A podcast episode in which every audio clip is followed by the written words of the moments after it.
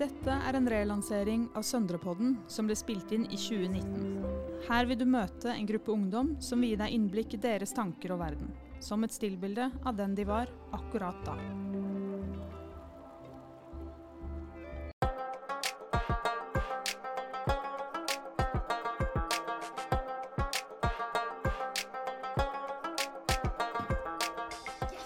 Ja.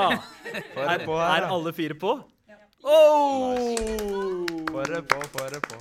Yes. Ja, vi har akkurat uh, prata en del om britisk rap. Det var, det var ikke det jeg forventa at vi skulle uh, hoppe innom uh, med en gang. Men eh, det er gøy at eh, på tross av den store aldersforskjellen mellom oss eh, Jeg er født i 86. Uh, Mikael, du er født i 88, sant? 87. 87, ja. ja. Det er bare ett år eh, fra oss. Ja, ja. Og så sitter vi her med to unggutter som er født eh, et annet århundre, et annet årtusen enn oss, faktisk. Jo da, det stemmer. Det er facts, da. Wow. Skipran og eh, Sander. Er fra forrige årtusen, liksom. Ja, ja. Vi er ancient, bror. Men eh, eh, veldig hyggelig at dere er med på uh, Søndrepodden. Veldig hyggelig å være med. Kult. Ja, vi, eh, vi skal jo snakke om masse, men hovedfokus i dag er faktisk kriminalitet. Eh, og jeg tenker, alle vi fire vi har vokst opp eh, på Søndre Nordstrand. Vi har på en eller annen måte vært eksponert til kriminalitet. Enten hatt kriminelle venner eller vært eh, frista til å gjøre noe kriminelt. Eh, og så tenker jeg at det er fint å faktisk bare prate om det. Utveksle litt uh, kunnskap på tvers av generasjoner også. Og så snakke litt om hvem som er favoritt-superhelten i Marvel-universet. Vi kan jo begynne med det. Eh, Sander, hvem er din favoritt-superhelt? Eh, I Marvel så må det være Spiderman. Ja. Men eh, som jeg sa tidligere, Batman er uh, helten, egentlig. Ja, ikke sant? Ja, da er vi over på DC-verden. Men ja, vet du hva? det er faktisk mine to favoritter òg. Ja. Men jeg er litt uh, keen på å høre, høre Ligger i navnet. Ja, ikke sant? Sander, Sandeep. Vi kommer nok til å blande en del i løpet av den neste timen. Men uh, hva er det som gjør at du kicker så på Spiderman og Batman? Det er at de ikke har for mye overnaturlige evner, egentlig. At de er litt mer regular guys. Ja. Istedenfor å ha så, så mye superkrefter. Ja, Da mister jeg litt sånn Det går jo ikke. Men Batman, det er bare penger. Ikke sant? Det er enklere å relatere seg til en superkraft som er mye penger og uh, masse teknologi som gjør at du kan skyte uh, spindelvev. Ja. Ja, ja, jeg ser den. Hva med deg, Skipran? Nei, jeg har ikke noe spesielt, egentlig. ass. Ikke? Det må være Batman, egentlig. Batman? Ja. ja. Så jeg har ikke sett på noe Har jeg det? Jeg vet ikke om jeg ser på denne filmen, faktisk. Oh! Oi, jeg må, ja, jo Ja, Ikke sikkert. Noe Ikke noe jeg kan Ja. huske. Nei. Men spill, jeg har spilt uh, Batman før, da. Ja, du, ikke sant? Det er det- Eh, det er fått det gjennom spillet. fra. Ja, ja, ja. Hva med deg, Mikael? Jeg vet ingenting om det her emnet, altså. eh, hva er han Luke eh, Luke Cage. Luke Cage. Jeg syns det der var fett. Fett. Eh, hva med han derre er Black Panther-kompisen? Ja, Black Panther. Luke Ja. Cage er, det er en serie på Netflix basert på en uh, tegneserie. Det er bare en dude som er sykt sterk. Ja. Uh, og det ja. Han fikk noe eh, Det er ikke sånn standard greie. Han falt i en kjeller og slo hodet sitt på rottebur med noe gift i. og så- Han ble bitt av en boner. Jeg veit ikke. Eller crack junkie. Han. Nei, men helt ærlig så har jeg ikke sett så mye på de greiene. ass. Nei. Det var liksom et litt annet univers enn det jeg eksisterte i når jeg var kid. Ja, ja det, Det den, var liksom den ser ikke jeg. helt, eh, Hadde kanskje litt andre helter. Mine også. superhelter var på en måte rapperne. Ja. Det var liksom writerne og rapperne, de som drev og malte rundt i nabolagene her. Og, og rapperne som liksom representerte og sto, sto foran på skolen eller hvor vi var. Og gjorde greia si. Hvilke rappere var det som var eh, heltene dine da du var kid? Altså sånn Man har på en måte norsk hip og siden jeg er så gammel at jeg husker liksom ganske tidlig norskspråklig rap, da. Mm. Som gjorde at jeg på en måte De første er nødvendigvis ikke de beste. Nei. Men de var de eneste vi hadde å se opp de var de til. vi hadde. Liksom. Det var liksom Det kom tre skiver på norsk, og det var liksom det eneste du hadde å forholde deg til. Så det var på en måte OK, dette er favorittene, men med en gang det kom noe fetere, så skjønte man at hei, faen, de her har jo bare gått i ring rundt sin søte oppvekst på Tåsen. Ja. ja, ikke sant? Jeg skjønner jo hvem du sikter til også. Klovner i kamp. For eksempel, og gata. Så liksom, altså, det, er jo, det er jo mye verdi i det også. Men, Mm. eh, men det som på en måte ble heltene, det var jo først når XS kom. Ja. Da var det liksom sånn herre OK, faen, de her snakker både for oss, fordi de var liksom shortinger, utlendinger, vokste opp sør i Oslo. Mm. Ja, ikke sant. Kolbotn og ja. liksom, Mm. samme område, og liksom gikk gjennom samme type ting vi gjorde, og og hadde på en måte et sånn litt internasjonalt blikk på det, da. Ja. Som vi følte var liksom OK, aller første helten var jo Topak, selvfølgelig. Altså, han var den the biggest ever, liksom. Eh, eller de fra The Dangerous Minds-filmen. Filmen Ja, ja, det var på en måte Det ødela livet mitt. Eh, det, nå, nå snakker vi eh, skikkelig uh, pappa, pappa, pappa-rap, holdt jeg på å si. Men 'Dangerous Minds' var en film som kom i 1995, eh, som handla om en eh, problemskole i Jeg husker ikke helt hvilken by det var. Var det i LA? Ja, ja. Ja. Uh, Michelle Pfeiffer spilte hovedrollen. Coolio hadde tittellåta, som ble en enorm hit i Norge også. har hørt den låta? Ja, ja. Ja. Ja. Er, den er fra den filmen. Ikke er sant. liksom Men vi har også hørt om Tupac og Klovnekamp. Ja. Ja. Selvfølgelig. Det skjønner jeg. Det er bra, de følger med. Good. Men, eh, men ja, ikke sant? jeg vokste også opp med det der med å ha rappere som helter. Og jeg husker jo veldig godt uh, første gang jeg så deg, eh, Mikael, var på en scene. Det var ved Rockefeller. Kan det ha vært Norwegian Hood? Det var en slags sånn hiphop-festival. Og da sto du på scenen med Østkantens profeter. Way back. 2002, tror jeg det var. Ja. Det, det, det kan nok eh, Vi spilte der to år på Norwegian. Og jeg syns det var så fett at det var liksom en fra samme bydel som meg som sto på den scenen. Fordi vi hadde ikke så mange folk fra Søndre Nordstrand som, som eh, eh, var opp og frem. Men eh, eh, både deg, Skipran, og Sander, dere, dere har jo ikke hatt uh, superhelter som helter, dere heller, kanskje? Nei. Eh, hvem var helten din, Skipran, da du var tolv? Jeg tror ikke jeg hadde noen eldre, faktisk. Ikke? Nei. Var det, noen, var det noen som helst som du så opp til? Nei. Nei. Absolutt ingen. Det er lov å si meg, liksom. Du så, opp, du så opp til deg selv? Ja, jeg vil si det. Ja, ja. Med tanke på hvor høy du er også, så tenker jeg kanskje at ikke, du ikke hadde så mange som du kunne se opp til. Ja, det da. Ja. Det var det, da. Hva med deg, Sander? Nei, det må vel ha vært noen uh, fotballspillere, tenker jeg. Ja, hvem da? Nei Fernando Torres likte jeg jo godt da jeg var yngre. Helt til han bytta klubb til Chelsea og bare ble en pengegris. Ja, han ble sell-out, altså. Ja, han ble en sellout, så da er ikke det idol lenger. Mm. Og så- Bra. Ja. Det er bra. Det er bra, det. Verdi, altså at verdiene betyr eh, så mye. Ja, selvsagt. Sell-out betyr noe fortsatt. Liksom. Ja, ja. Det er kult. Selv- Selv om jeg er yngre i generasjonen. Men utenom det så er det ikke så veldig mange helter jeg har sett opp til, egentlig. Nei. Mennesker med mye penger, da. Ja. ja, ja, som Batman, for eksempel. Ja, Mm. ikke bare at han er superkraft, men også lomma full. Ja. ja. Det er nice. Men uh, hvem, uh, hvem var du da du var uh, 13 år gammel, eh, Sander? Hva var det du likte å gjøre? Hva var, eh, hva var det du hadde lyst til å bli da du ble stor? Husker du det? Da jeg var 13 år, så var jeg vel en nesten en helt vanlig gutt, egentlig. Jeg gikk på skolen, spilte fotball. Jeg hadde ikke noen sånne drømmer eller ambi nei, ambisjoner om noen ting, egentlig. Så Nei. jeg gikk egentlig bare rundt og spilte fotball med gutta i vingen og ja. Ja. Det eneste bekymringen jeg hadde, var om vi fikk Jeg så etter førstemann til ti, liksom. Ja. Det var det eneste. Ja, jeg tror ikke at jeg visste hva ambisjoner betydde engang da jeg var 13. Nei. Eh, egentlig. Jeg tror, jeg tror det er ganske vanlig å ikke ha så mye ambisjoner da. Man har bare lyst til å gjøre, gjøre skitt med kompisene. Ja. Leve fritt. Ja, leve fritt, Ja. ikke sant? Ja.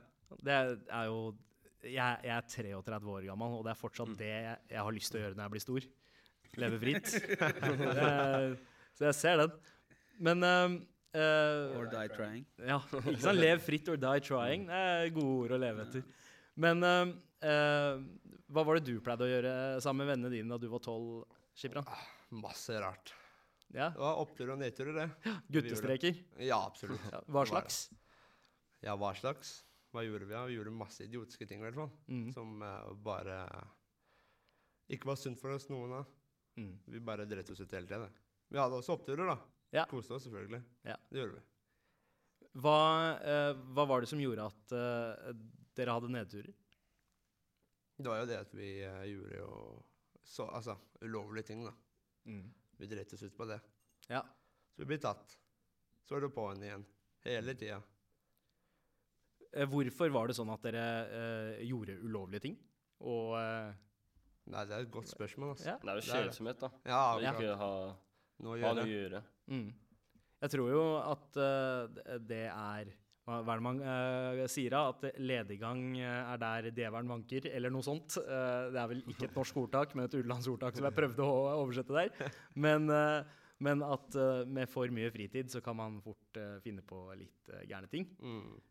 Sander, er det noe du relaterer deg til òg, eller? Ja, det er mye når man kjeder seg, så er det lett å bare å finne på idiotiske ting da, som er morsomt der og da, Mm. men som kan få konsekvenser. Så alltid etter fotballtrening da, så var vi jo alle gutta samla, liksom. Vi samla oss, men hva skulle vi gjøre etter trening, liksom? Da blei jo mye sånn derre gå og, og smelle noen ruter og kødde med personer og kjenne litt på adrenalinet. Før man til slutt tenkte at det gikk litt over streken å løpe hjem. Mm. Det var sånn egentlig det starta, egentlig. Ja. Ja. Hva med deg, Mika? Tolv? Tolv? Da du var tolv? Eh, første, første gang jeg ble båret hjem av politiet drita full, da var jeg tolv år. Wow! Da fant politiet meg på Hauketo stasjon. Jeg var jo med alle gutta mine, liksom, men vi var, hadde vært og festa hos en eldre, eldre kompis litt oppi ved Hauketo stasjon. Og så Ja, så jeg var jævla drita, da. Politiet bærte meg hjem. Eh, og så var jeg jævla fyllesyk dagen etter. Det husker jeg. Men eh, det var jo Det gikk jo mye liksom Det gikk jo mye rus. Det gikk, var jo mye alkohol og mye hasj og sånne ting. Mm. Altså, eh, det virker så fremmed for meg. Selv om jeg er fra samme bydel som dere, så var det sånn, da jeg var tolv, så tenker jeg tilbake, jeg var akkurat ferdig med å leke med Turtles-figurer da, liksom. Jeg var ikke i nærheten av å være eksponert til det. Men hvordan, uh, uh, hva var det som var normalt uh, eh, altså, rundt miljøet da, som gjorde at det var naturlig for deg å ja, bli dritings Altså- i en alder av tolv? Altså, det var ikke første gang jeg ble dritings. Nei. Det var første gang jeg ble busta av politiet. Ah, ok, så du begynte tidligere. Eh, ja da. Eh, altså, jeg, vi begynte å røyke da jeg gikk i Hva var det, da? Vi begynte å røyke sigaretter da jeg gikk i fjerde-femte Mm. klasse. Da begynte vi med sigg. Og så i sjette klasse tror jeg jeg tok min første joint. Og så liksom Og med det så var det jo mye alkohol og mye liksom Det var jo tilsvarende som gutta her har svart. Liksom. Det var jo liksom prøve å finne noe spenning eller noe øh, Noe kult, liksom. Det skulle være kult. Vi må jo ha gøy, liksom. Hva faen, det er jævla kjedelig å gå rundt i en sirkel på skolen, liksom. Ja. Ehm, men miljø, jeg hang med mye eldre folk, da. Mm. Så det var, og det var jo på en måte gjennom Hva skal man si De som var på en måte problembarn, som Som endte opp med å liksom ta opp meg, da. Som var på en måte liksom den drittungen på barneskolen som gadd å gjøre alt de dumme tinga som de eldre gutta liksom prøvde å få meg med på. Jeg ble med på alt, liksom. Så når jeg var tolv, da var vi liksom Da hadde vi kommet litt forbi det derre Det var liksom ikke noe overraskelse at vi drakk eller røyka, på en måte. Eh, og politi, han som var politisjef i, på Holmlia da, John V, han var jo veldig på oss. Og lenge før det, altså lenge før vi begynte med noe kriminelt, så var han på oss. Så fra vi var ni år gamle, så var vi liksom, blei vi ransaka av han, da. Wow. Så vi var liksom Vi ble på en måte satt til veggs, da. Og så var det liksom sånn derre Hele nabolaget på en måte Se på de her eh, kriminelle kidsa her, sånn. Så de prøvde en sånn hard linje mot oss som liksom falt litt utafor litt tidlig. Mm. Og så endte opp med at Hvem er sin telefon som driver piper? Nei, så eh, Så det blei jo jævlig ehm, det, det gikk jævlig fort fra det å liksom uskyldig guttestreker og litt tagging og litt rute, ruteknusing til at det var, var liksom nå, nå er det på en måte oss mot politi, men så hadde vi også en annen gjeng. Vi hadde sånn derre Vatos Locos hadde akkurat kommet ut. Ja, ja. Eller ja. akkurat er det ikke. Altså, noen år etter. Blood in, blood out. Blood in, blood out. Riktig. Gammel gangsterfilm. eh, Ja, tidlig, men- tidlig på 90-tallet? 94, kanskje? Ja, og det her var vel mot slutten av 90-tallet, da. Mm. Så da var vi liksom sånn at vi vår greie var på en måte Vi hadde en liten gjeng som het Haukto Minimafia. HMM. HMM, det var the shit, liksom. Ja. Eh, og så var det en annen gjeng med, med Fordi det her var jo en tid hvor hiphop var ikke liksom Alle hørte ikke på hiphop. Det var liksom Var du hiphop, så kunne du på en måte Og du er wannabe neger, liksom. Det var på en måte litt av den greia som ble slengt etter deg. Eller Wigger, eller liksom liksom. Tror du det er svart, eller? Så det var liksom der, det var yo, liksom. Ja, jeg trodde jo nesten oppriktig at jeg var svart fra jeg var 10 til 12, Ja. og nekta å innfinne meg i at jeg var inder. Ja. Um, så så jeg, jeg ser den. Det? Jeg ser den. Men, men da hadde vi en annen gjeng som var eh, tilsvarende vår alder, som var mest eh, pakistanere og indere. Mm. Som kalte seg C-gjengen. Så vi hadde C-gjengen pga. A- og B-gjengen. Og så hadde de C. Ja. Så enten- hadde veldig identitet i tekno, Ja, trans, trans, Buffalo School, Buffalo School, Psycho. Cowboys-bukser. Og vi var bare hoodie Vi var bare hettegensere, litt baggy jeans, Mm. s- eh, liksom joggesko, den greia som nå er helt vanlig da, hos alle. Vi var liksom en liten minoritet som gjorde den greia, Mm. og hørte på rap og liksom Raps! En dag skal hiphop ta over verden, og nå er vi her, liksom. Uh, men vi hadde jo krig med de her transgutta, eller Hollande, som man kalte det på den tida. da. Eh, De, vi hadde liksom krig mot dem, så vi drev jo slåss masse med dem. Og det er rundt 12 11-12 års alder. Altså, er det én ting jeg håper man lager en film om, så er det den epoken der, sånn 99-2000 og det, det blir litt sånn historie, historieleksjon, eh, gutta. Ja, det blir det. Jeg veit ikke om dere har et eh, forhold til C-gjengen. Jeg hører om de for første gang nå, og tenker enten så gjorde de en dødsgod jobb ved å ikke bli oppdaga, eller så var markedsføringa deres helt på jordet. Altså, du må huske, vi var jo, Det var jo i slutten av barneskolen, liksom. Og så når vi begynte på ungdomsskolen, så tror jeg den gjengen eh, løste seg litt opp. Ja. Eh, ja. Mye, mye rotløs ungdom som trengte noe tilhørighet, liksom. Det er egentlig det det går i. ja. Og noe, noe liksom føle at man er en del av, noe man føler at det liksom, nå gjør vi noe viktig. Altså Hvis han ene kompisen min fikk juling av C-gjengen, Ja. så var det veldig viktig for meg å liksom være en av de som var med og liksom slåss mot dem. ja. For å liksom vise at det, hey, vi, alle, vi alle er tøffe, og vi alle liksom kan stå for oss. liksom. Jeg tror du er inne på noe med det, dette med tilhørighet. Ass. For jeg merker at eh, Jeg fant jo tilhørighet til hiphop, jeg også. Men eh, fra den sida av, av Søndre Nordstrand jeg er fra, så var vi en gjeng med nerds som hørte på det. Så jeg nerdete. Vi forlot jo aldri rommene våre, eh, basically. Men det var den tida hiphop begynte å blomstre på internett. Og, eh, og jeg fant min tilhørighet der og trengte ikke å finne den noe annet sted. Eh, men hvordan var det med Sander og Skipran? Dere eh, Var det Hadde dere en trygg vennegjeng da dere var 12-13, eh, som dere følte dere en del av? Eller eh, hva var det som Var det på en måte jakten på tilhørighet som gjorde at dere havna litt i det man kaller feil miljø, eller dårlig miljø? Det var vel egentlig litt før senere enn uh, 11-12-årsalderen. Ja, fordi for deg så var det litt mot slutten av ungdomsskolen, eh, nevnte Ja. du i stad. Ja. Ja. Men eh, jeg har jo en eldre bror, sånt. jeg var mye med brødre, broren min da, Mm. og vennene hans og vennene mine. Og sånt. Og så begynte vi alle å gå forskjellige veier, egentlig. Og da følte man egentlig ikke at Du visste ikke liksom hvem som var kompisene dine. Mm. Og Det til var det, da. Ja. Det er jo den, da. Ja. Splitte opp, da. Til Mm. slutt. Det var, det var like greit, det, da. Mm. Mye tull rundt det oss. ja. Mye krangling og mye Vi var aldri enige om en ting. Nei. Nei. Og så etter hvert så ble det kjedelig å være med de samme menneskene, og det skjedde for lite også etter hvert. Du ville møte nye mennesker, du ville gjøre andre ting. Mennesker som ikke var på det stadiet som du ville være. Så tok du avstand fra de og heller møtte noen som er likesinnede. Tenkte dere mye på konsekvenser av det dere gjorde? Altså, så som i For det var kanskje noe av det som holdt meg tilbake, var at eh, Altså, jeg har gjort én kriminell ting i mitt liv, tror jeg. Jeg har sikkert gjort eh, flere ulovlige ting, men det mest kriminelle jeg har gjort, er kanskje å bøffe en pakke med yum-yum på butikken. Men, men jeg, var, jeg hadde alltid som noia for konsekvensene at det holdt meg inne. Eh, altså eh, vekk fra det. Men øh, hvordan, hvordan var det for øh, Hva var konsekvensene du var redd for? øh, jeg, var, jeg var redd for å bli busta og få skikkelig kjeft, liksom. Og at øh, politiet skulle bli ringt. Godt at du øh, Ja, ville nei, øh, utdype det. Men ja. ja. Men også øh, Men det verste, den verste konsekvensen var at mamma og pappa fikk vite noe. Og så eh, det- og, det, og det var ikke sånn at jeg var redd for, øh, for juling. Jeg var bare redd for å skuffe dem.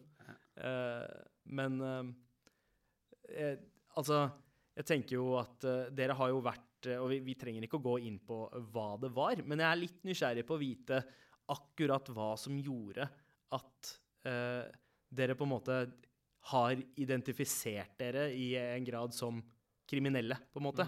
Eh, og eh, du nevnte jo at det, var, det startet rundt tolvårsalderen, mm. Skipran. Mm. Jeg tenker jo det, er jo det er jo tidlig, men det er jo ikke unormalt at det begynner da. Det begynner vel da for veldig mange. Ja, det er sant. Ja. Det er det. Men hva er det som, gjør, hva var det som gjorde at du uh, falt ut? Når var det du begynte å liksom føle at du var, var litt utenfor? Ja, det var jo Altså, det starta jo uh, uh, egentlig femte. Det starta med røyken, da, selvfølgelig. Ja. Alltids. Og så gikk det til syvende, og så begynte jeg å henge med andre folk som drev med noe annet. Mm. Så ble det bare Jeg ble bare dratt inn i det, og så, som du sa, konsekvensene i stad, liksom. Ja. På starten jeg tenkte på det, men etterpå var det sånn OK, greit. Skjer det, så skjer det. Så visste jeg at jeg er under 15, så jeg kan ikke bli dømt for noe. Ja. Det var det jeg tenkte. Så hvis jeg gjorde noe ulovlig, så gjorde jeg det. Mm. Men da jeg ble tatt, og jeg kom hjem, det var en nedtur. ja. Det var ikke mamma så glad. Eller pappa, da. Hva, var det, hva var det de sa? Ja, ja. De sa mye rart, de. Mm. De var skuffa. De var det. Ja. Men det skjedde så mange ganger. Så altså, jeg var på det punktet. Det er sånn, ok, greit. Nå har jeg gjort det én gang, to ganger, tre ganger. Men så kom det altså, det kom et punkt i livet bare sånn Jeg må stoppe med det her. Funker ikke. Jeg vil, altså, jeg vil, jeg vil at mamma og pappa skal være stolte over meg. da. Mm. Ikke tenk at jeg er en liten drittsekk som går ut og bare tuller rundt. Ja. Ikke sant? Jeg tror um, Det er veldig fint det du sier der. og jeg tror, tror at man på en måte, Det skal være en takhøyde for guttestreker, uh, men så er det også viktig å kanskje stoppe før man går in too deep. Ja. Det var det. Og eh, hva med deg, Sander? Med konsekvenser og sånt. Ja, og bare eh, Du var jo rundt Du nevnte at det var mot slutten av ungdomsskolen eh, Ja. at, eh, at du på en måte Ja, At det gikk litt for langt. Ja, eller eh, Det var da jeg begynte å, å selge, da. Mm. Se liksom profitten og sånt. Så jeg er veldig opptatt av respekt, og bli respektert. Og jeg føler eh, De andre, de, de var ikke som meg, som jeg gikk på skole med og sånt. Så jeg måtte til nye miljøer, møte hardere mennesker og sånne ting, for jeg syntes det ble kjedelig. Og jeg tenkte ikke konsekvenser av noen ting av det jeg gjorde heller. Før det var for sent. og- Eller jeg måtte bli voksen først, da. Før jeg virkelig forsto at det her er ikke det jeg vil. Mm. Å få en skikkelig støkk i meg, da. Hva annet var det du fikk ut av det enn bare profitt? respekt, og du følte tilhørighet. Du følte at uh, de eldre, da, de ga deg respekt. Gjensidig respekt. Og liksom Det er alltid plass til deg. Uansett, liksom Selv jeg som er etnisk norsk, skjønner du. Mm. Det, har, det har ikke så veldig mye å si med etnisitet og hvor du er fra og sånt. Uh, I det miljøet, da. Liksom alle, Det er en plass til alle, liksom. Bare de gjør de riktige tingene, liksom. Mm. Og den tilhørigheten jeg likte best ved det, liksom. Og liksom profitten var profitten, men det var det båndet liksom vi gutta hadde. Det er liksom uh, all in, Ja. liksom. At vi har hverandre, da. Og du veit at han har der, skjønner du. Mm. Så for meg var det veldig viktig den tilhørigheten. Sleit du med å finne tilhørighet uh, før det? Ja. Ja. Fordi Du nevnte at du spilte fotball. Var, ikke, det- var det ikke en sterk nok tilhørighet? Hva var det som skjedde der uh, som gjorde at du søkte tilhørighet andre steder? Jeg syns fotball begynte å bli kjedelig også. Mm. Jeg, det var ikke det jeg ville, egentlig. Mm. Og så begynte andre å gå til andre lag, og folk begynte å ta det seriøst.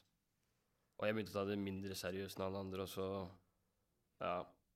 Begynte jeg heller å loke mer ut og sammen med gutta og sånne ting. My, mye av det du sier, minner meg om uh, faktisk en av mine favorittrappere i Norge akkurat nå. En fyr som heter Lashivelli.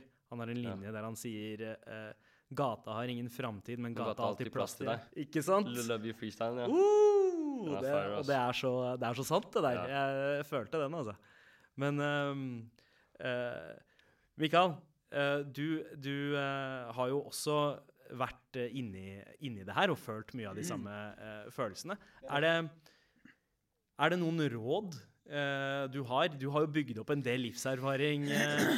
Råd eh, Jeg tror det som hjalp meg jævlig, var det der med Altså, jeg hadde den som kaller det livsbøyla med hiphopen, da. mm. Eh, som på mange måter blei redning, men også Altså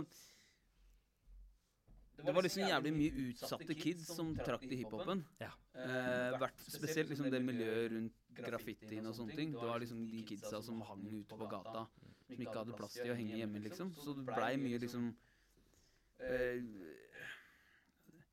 Det som på en måte jeg kan se at jeg gjorde som mange av de andre som ikke klarte seg like bra, gjorde, da. Det er jo det å liksom alltid ha den Sånn som rappen. Det er på en måte vi fikk liksom litt sving med liksom, Det blei litt interesse for den hiphopen vi gjorde ganske tidlig, da. Mm.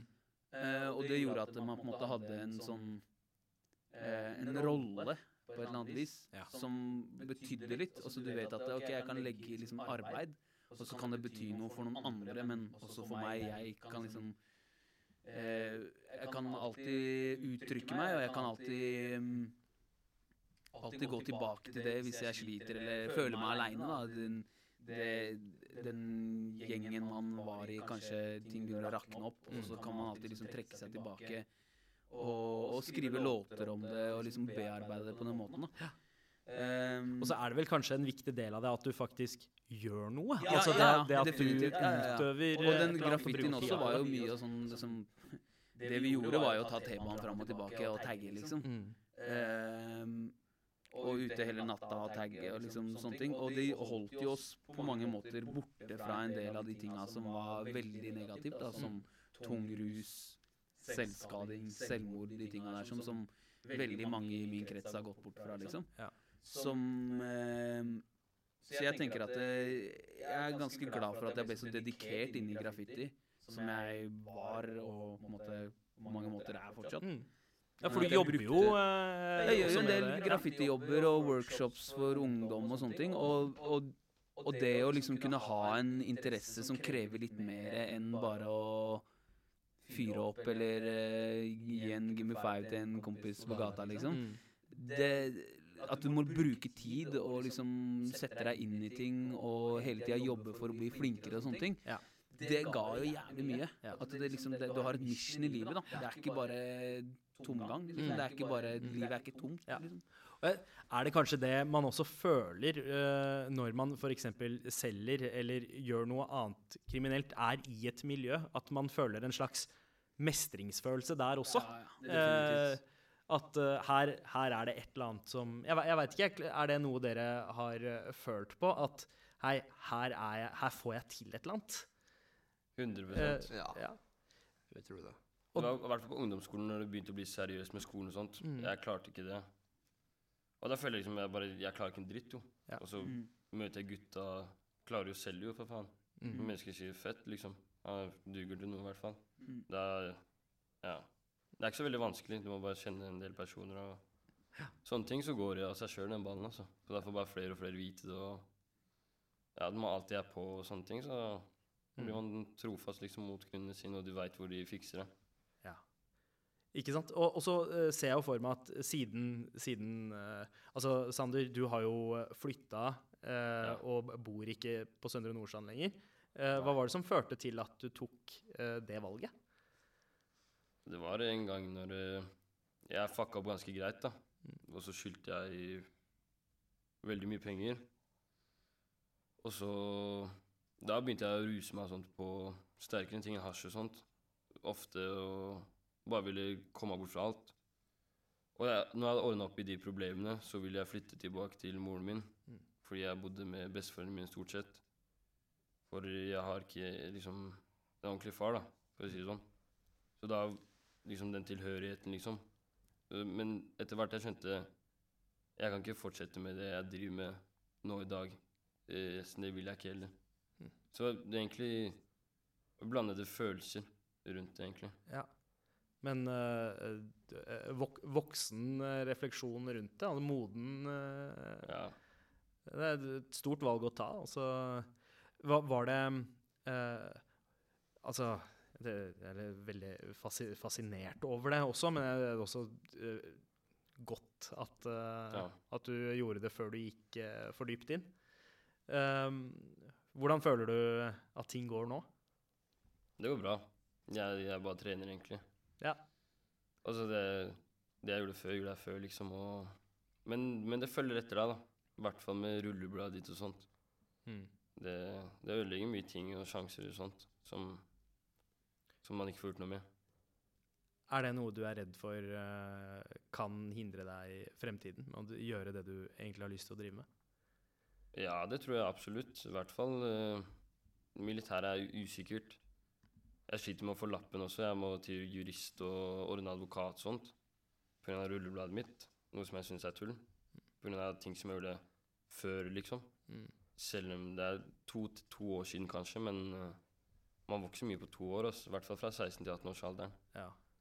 Og uh, de, de gjør det ikke lett for deg å komme over det og uh... Nei, altså. Vel, Men de har også lovet meg ting i konfliktrådet mm. som de ikke har fulgt opp. Sånn at eh, de skal slette ja, noen ting som jeg har gjort, da. Men som ikke har blitt sletta, som fortsatt er der, som jeg må ta konsekvenser av. Noe som de lovte etter jeg hadde vært der i ett år på de jævla møtene deres hvor de har ydmyket meg, skjønner du. I en sånn ring. Mm. Så det er det verste med konflikter, da, er liksom at de ydmyker deg, etter min mening, da. Mm. Shit, Det er det som gjorde meg mest irritert med den ungdomsstraffen, er eh, måten de behandler deg på, da. Som gjør at jeg blir enda mer motstander av dem, liksom. Mm. Ja, det er jo ikke Det, det der er ikke lett, eh, det med eh, Altså både hvordan myndighetene eh, og byråkratiet funker, men også hvordan politiet går i møte med ungdommer. Mm. Jeg har jo sett det selv, jeg bor jo fortsatt i bydelen, og at det er Det er ikke så mye tillit til politiet blant ungdommene. Eh, men eh, hvordan, hvordan var det? Hva var deres syn på, eh, på politiet som, som 13-åringer? Da dere så en politibil rulle forbi. Jeg kan huske at jeg, jeg Det har alltid vært en sånn blanda følelse. fordi på den ene siden så har jeg liksom følt meg trygg fordi ja, politiet er her, men på en annen måte så har jeg følt meg utrygg fordi jeg veit aldri om politiet kommer til å stoppe meg, eller hvordan det kommer til å ødelegge kvelden min. Da. Men, eh, men eh, jeg merker at politiet er litt redde, kanskje, for uh, uh, Ikke Ja, eh, det blir feil å bruke redd, men, uh, men de veit ikke helt hvordan de skal approache ungdommen. Har dere hatt noen sure Eller no, noen Ja. fra ungdomsskolen? Mikael? Du, da? Hvordan var det Wow. ah, ja. Jeg vet ikke hvor jeg skal starte engang. Eh, Hvor tror dere at den mistilliten kommer fra? Eh, fra, i forhold til Jeg tror at det poli, altså jeg tror politiets arbeidsmetoder er helt baklengs. mm, Jeg tror at de går på liksom De skal eh, sette en støkk i deg, liksom. De skal de, de lever etter en sånn gammel lærebok hvor det handler om liksom du skal være hard mm, med disse ungdommene, mens de fleste av kidsa har det jo liksom vondt og sliter i hverdagen, liksom. Så skal du komme som liksom representant for samfunnet, staten, mm, og så skal den liksom være tøff og kjip mot deg, liksom.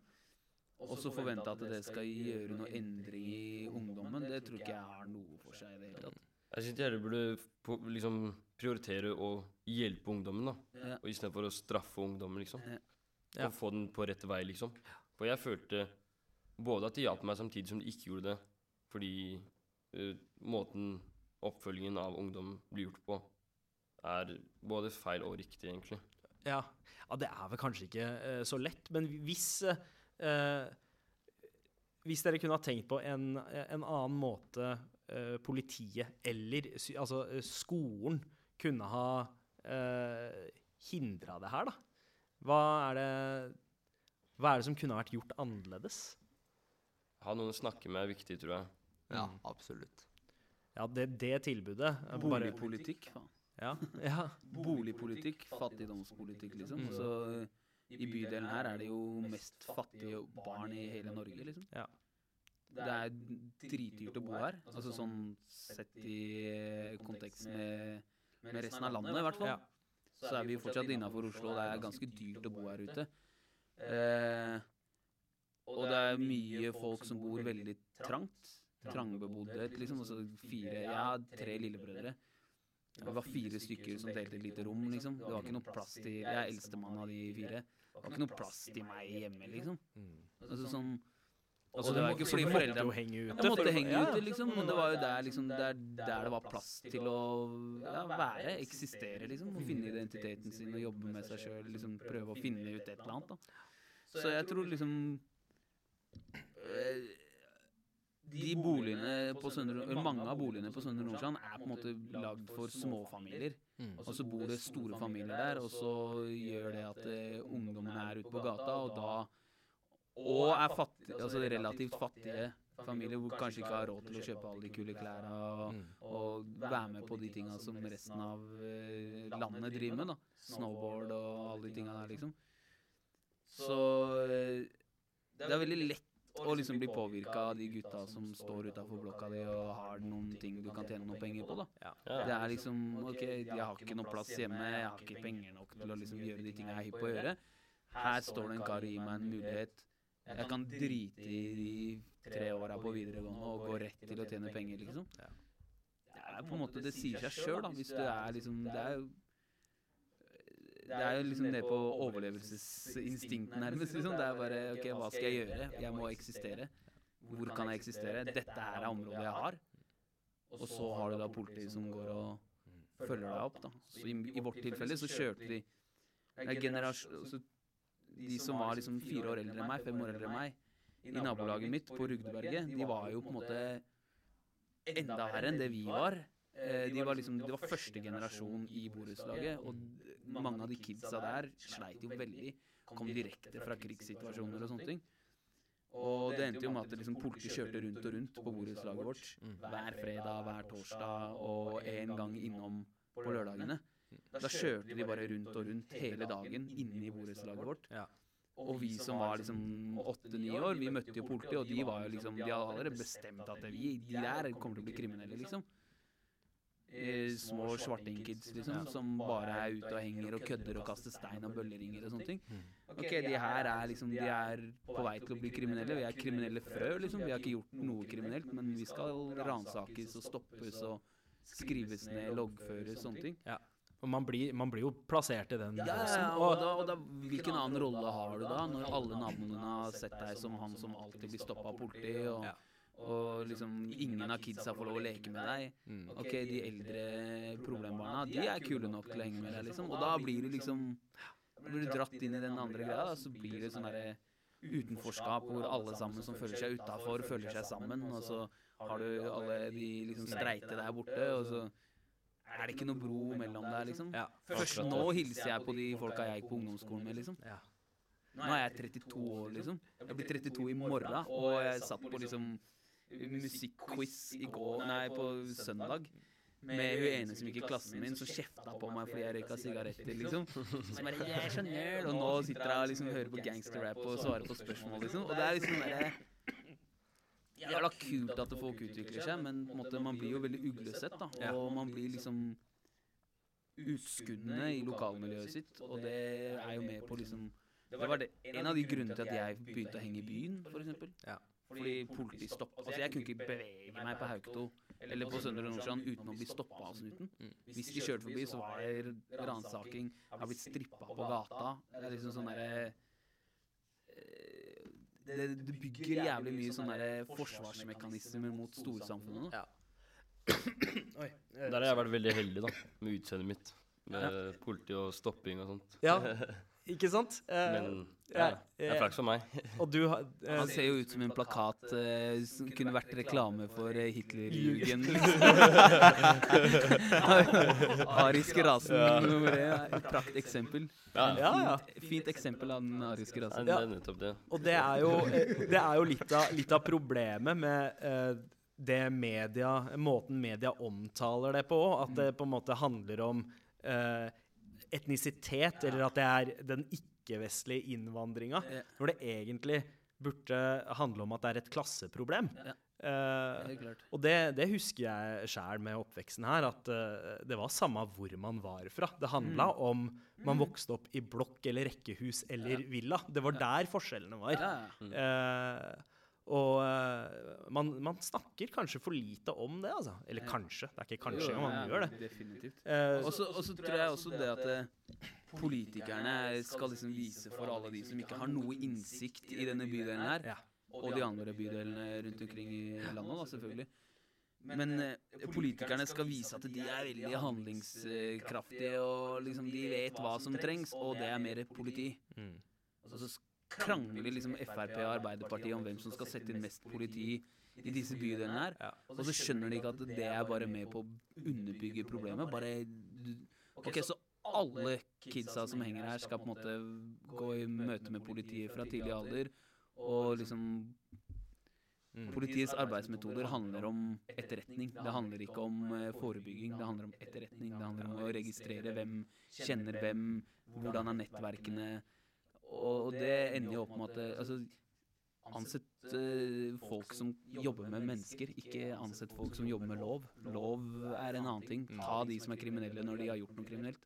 Ikke drive og overvåke kids som kanskje kan bli kriminelle om ti år. Mm. Det er helt Men, men det, det, må vel kanskje til for å kunne forebygge òg, for å få en oversikt, eh, tenker jeg. Men eh, vi, du har jo vært inne på eh, Vi har jo snakka litt, litt sånn spesifikt om Søndre Nordstrand, og jeg er Mm. keen på å egentlig snakke mer om det. Altså Mm. deres forhold eh, og følelse til eh, egen bydel. Fordi hvis man ser på uh, Groruddalen, uh, Furuset, eh, andre drabantområder i Oslo, så har det på en måte kommet en enorm stolthet i å være derfra. Og selv om jeg er veldig stolt av å være fra Søndre Nordstrand, så føler jeg ikke at den stoltheten er like, like sterk hos andre. det fellesskapet. Ja, det fellesskapet. Vi er en ganske fersk bydel, da. Ja. Groruddalen har jo eksistert siden andre verdenskrig, liksom. Mm.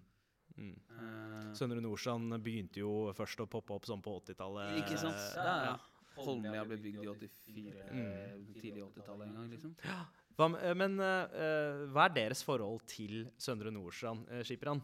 Du, Nei, jeg vil ikke. det er mitt hjerte. Altså. Det Jeg er, vil det. Ja. Altså Hvis du kunne ha valgt, ville du ha kanskje ha vokst opp et annet sted enn Søndre Nordstrand? Nei. Eller? Nei. Jeg lærte mye av å bo her, faktisk. Ja, Som hva da? Hvor dum jeg egentlig var. Selv, selvinnsikt. Ja, ja. Det, det, er, det er en fin lærdom. Ja, Jeg, vil, jeg, vil ikke, jeg, vil- jeg vil ikke gå så langt og si at du er dum, Skipran. Jeg tror du heller er motsatt, for du har jo, du har jo tatt deg sammen, skjerpa deg. Du Ja, er er, du er en eh, moden gutt.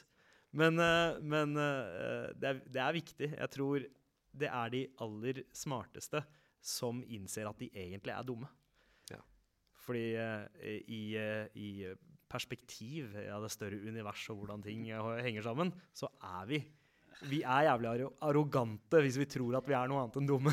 The man who knows something knows that he knows nothing. Ja, riktig. Så det, det skal du eh, ta til deg. Men eh, hva annet ved å vokse opp i Søndre Nordstrand er det, er det du setter pris på? Nei, det er jo Det er jo stort sett miljø her. Ja. Altså Greit at det var litt uh, kriminalitet her og der, og, men altså Man lærte av feilene man gjorde. Mm. Man så hva som var galt, og hva som var riktig. ikke sant? Ja. Tror ikke man hadde lært det i Frogner, for å si det sånn. Mm. ikke sant?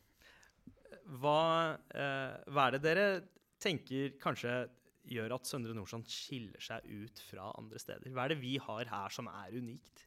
Mangfoldet, tenker jeg. Ja? Måten man står sammen her og Det er så mange forskjellige kulturer og etnisiteter, men fortsatt vi er vi én, liksom. Føler jeg, da. Det er det vi Søndre Nordstrand er jævla gode på. Ja. Det er ikke sånn andre steder, føler jeg. altså. Mm. Ja, jeg, jeg føler også at den derre splittelsen er større, f.eks. i Groruddalen, hvor det har oppstått sånne eh, fraksjoner. Du har på en måte de derre etnisk norske som er redde for alle, for innvandrerne, altså Sian-dannelsen og sånt. Mens, mens man får ikke så mye av det her. Det virker som at de fleste egentlig har vokst opp eh, med et positivt bilde av mangfoldet. Mm. Eh, og det husker jeg sjøl. Altså den derre eh, gaven av å ha vokst opp med folk fra alle steder i verden, som gjør sånn at jeg klarer å forholde meg til mange grupper. Jeg klarer å snakke med mange. Man blir en sånn sosial kameleon. Ja. Jeg gikk på videregående på vestkanten i Oslo, og folk visste jo ikke hvordan de skulle snakke til meg engang. Eh, folk var redde for å gå over Akerselva. Eh, og det, det, de levde i en egen boble, mens, mens her så vokser man opp med en sånn der selvtillit. Det er nesten en superkraft, da. Ja. Eh, men eh, det er jo noen ting eh, Eller Mikael, uh, deg først. Uh, Søndre Nordstrand for deg. Søn- Wow, det er alt. Eh, jeg har jo liksom Jeg bodde jo her i mange år, og liksom sånn ungdomstida. Og så rundt ungdomstida så stakk jeg fra. Når jeg var sånn 13 år, så stakk jeg fra Haukto, på en måte. Mm. Eller fra Søndre. Og var mye i Oslo sentrum. Det var liksom ikke noe tilbud her til å fange opp de hiphop-kidsa. Det var liksom Mm. Vi, Hvor var det du måtte hen, da? jeg var tolv, da dro vi til Goa, som var Gamle Oslo aktivitetshus. Eh, på Tøyen. Så jeg dro Nei, det var kanskje før tolv også. Sjuende klasse. Så begynte, dra, begynte jeg å dra dit. Ja. Det var da 12 år siden, vi. Ja.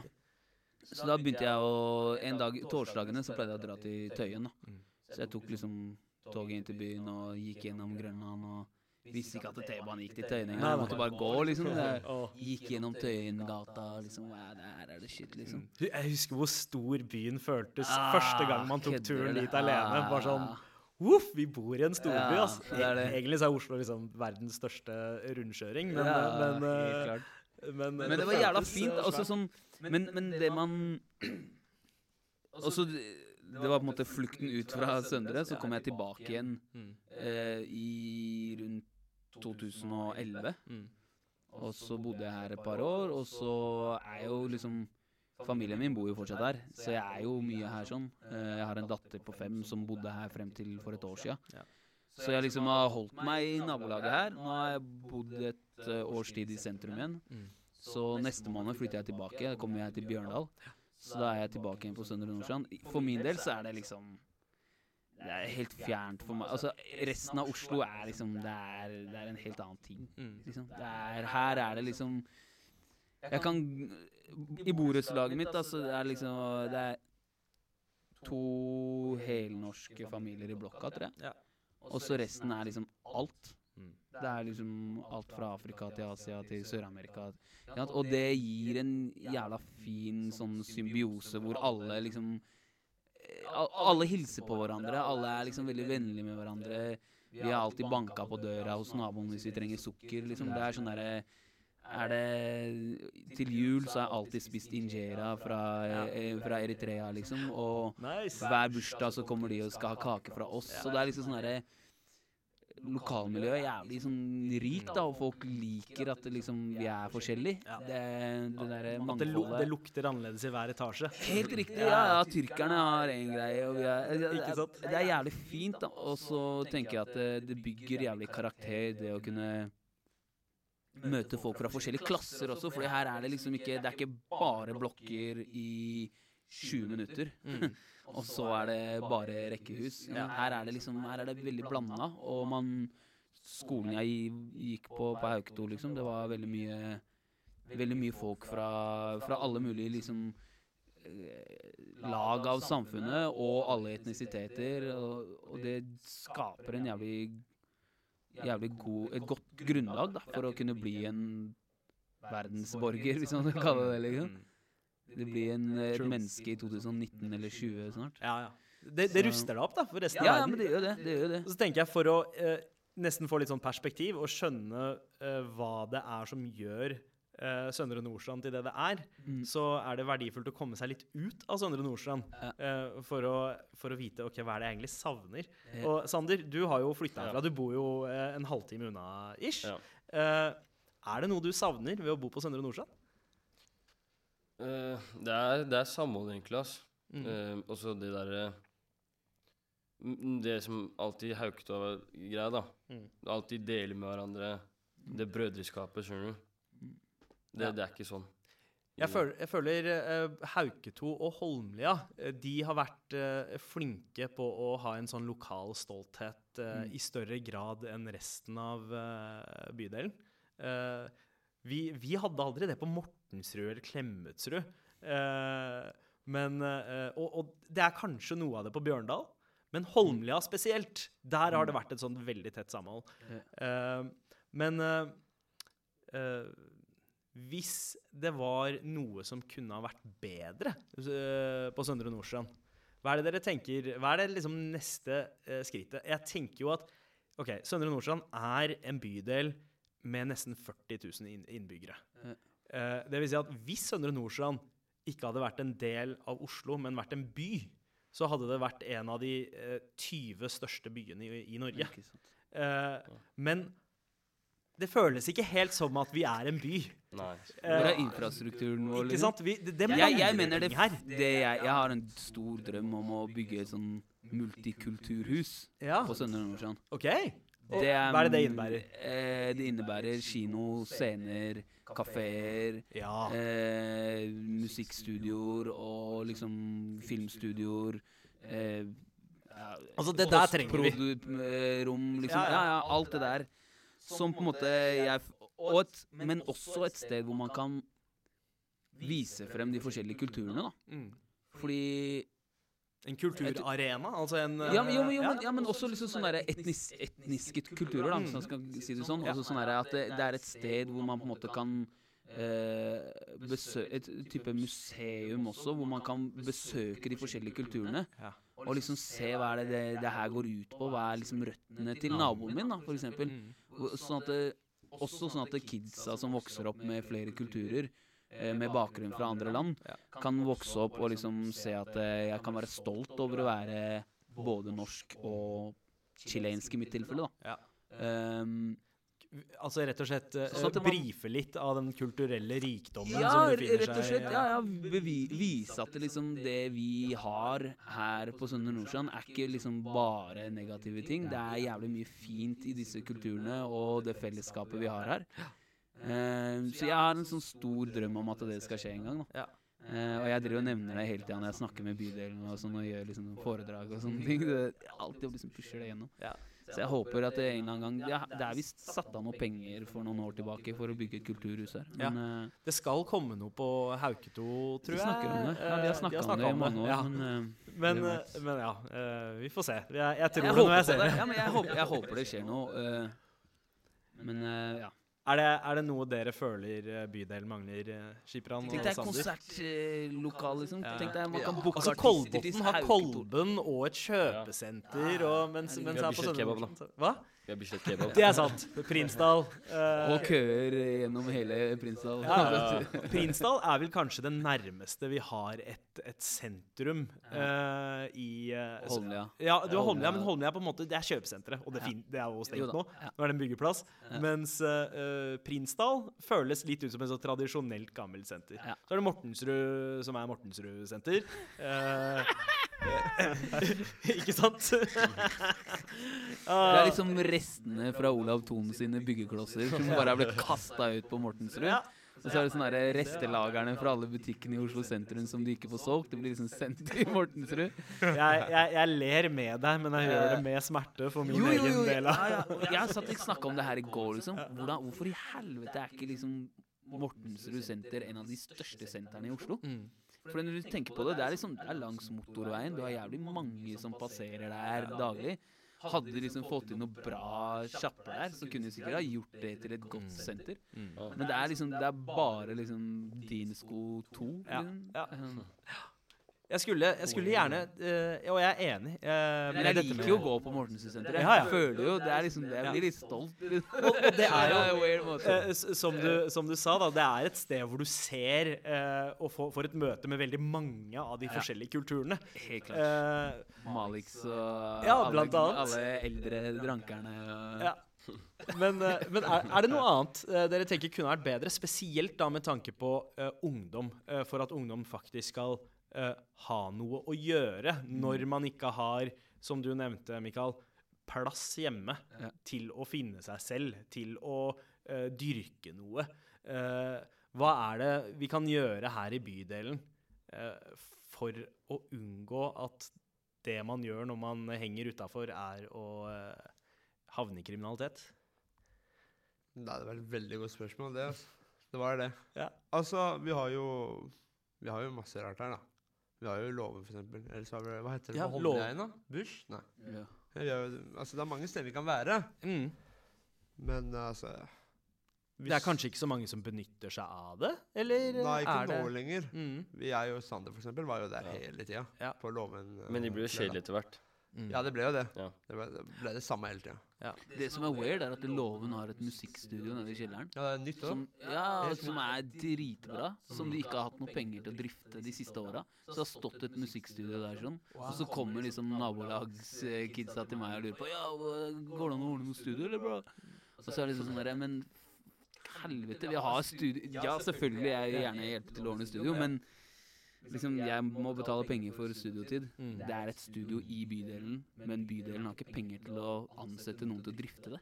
Det er helt Det er hvordan Ja, det- Det er helt tilbakestående, liksom. Hva er det, hva er det vi driver med, liksom? For det er noe jeg har savna. Noen som Og så tenker jeg sånn all respekt til de som har drevet loven siden det åpna på 60-tallet, liksom. Men det er kanskje på tide å liksom bytte ut de som drifter en ungdomsklubb når det ikke er noe aktivitet der lenger, liksom. Det er sånn, jeg vet det er bydelen, og man, liksom, man skal ha folk i bydelen i, Mm. til pensjonsalder, men på, på bekostning av at de kidsa skal bare henge ute og gjøre kriminalitet. Eller skal man kanskje få inn noen nye krefter som kan gjøre noe der, da? Mm.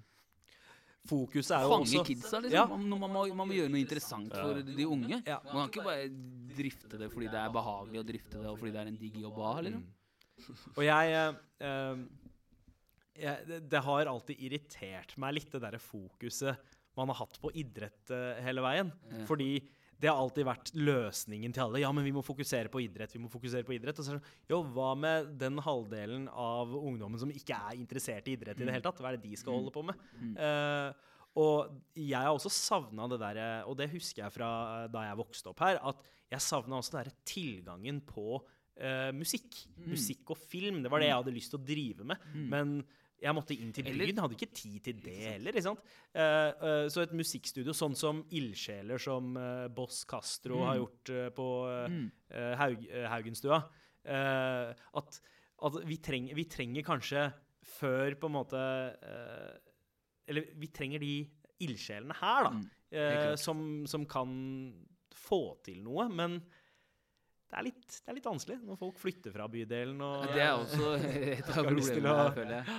Eh, men jeg tror liksom hvis man hadde Altså, ja, noen liker musikk, noen liker film. Mm. Men så er man også liksom Man har en stor del folk som ikke vet liksom helt hva de er hypp på. Ja. Og hvor er liksom plassen deres? Altså, ok, De er hypp på å tjene penger, det vet de. Mm. Men hvordan? Hva er liksom veien dit? og Hvordan kan man på en måte gjøre noe?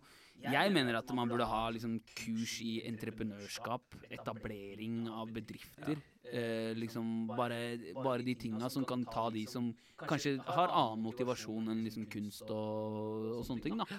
Ehm, så man kan Veldig, hjelpe veldig dem. godt Uh, Ja, og da kan man også få de som er motivert for salg av dop eller kriminalitet, Mm. Over på en lovlig bane hvor de kan tjene penger og liksom være, bruke samme driven. Ja. Det er jævlig mye driv, liksom. Ikke sant? Og så er det en liksom egen sånn gatematte inni Ja, det. Du, du, man lærer seg en del ting. Du legger ut så mye for et produkt, du selger det, du får igjen så mye. Du kan kjøpe mer, eller du kan liksom Du får en forståelse for prosenter, og, den, og de, den kunnskapen kan brukes til noe godt. Ja, ja. Det er verdi der, liksom. Og hvis du ikke utnytter den verdien, så er det bare kriminalitet de, de ressursene går i, da. ja. Så jeg, jeg tenker eh, sånn godt poeng. Og alt annet. Men det er masse folk som er hypp på å lage mat. liksom. Folk er hypp på å bli kokker. Folk, er, ja, folk er, har helt forskjellige interesser. Og hvor er plassen til å liksom utvikle det? da? Nei, det Jeg tror det Vet du hva? Multikulturhus, alle som hører her. Skriv et brev til bydelen.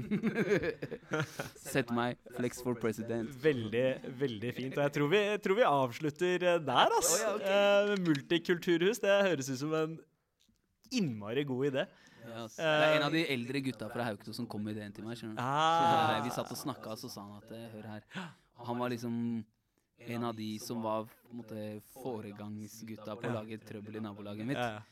Han sa til meg liksom sånn derre han- De er fra, fra Nord-Afrika. Mm. Og så sa han at det liksom Det er det vi trenger her. Mm. ta den ideen og gjør noe med det, liksom. Det er det vi behøver. Det Kaller er du liksom- Virksomhetshuset eller noe Ja, sånt? ja, et eller annet sånt. Fordi man må kunne bygge på det som er her. Ja. Altså Man kan ikke drive og jobbe mot det som eksisterer her. Sånn. Vi har jævlig mye godt. I den konteksten som resten av samfunnet er i, så, så funker det kanskje ikke helt, men da må man putte en annen kontekst på lokalsamfunnet, sånn at vi kan være en styrke. da. Jeg, altså, det er masse fotballtalenter her. Det er masse liksom Idretten er sterk her ute også. Ja. Uh, men jeg tror også at det er veldig mye andre folk enn idrettsfolk som trenger arenaer. Ja, ja. ja.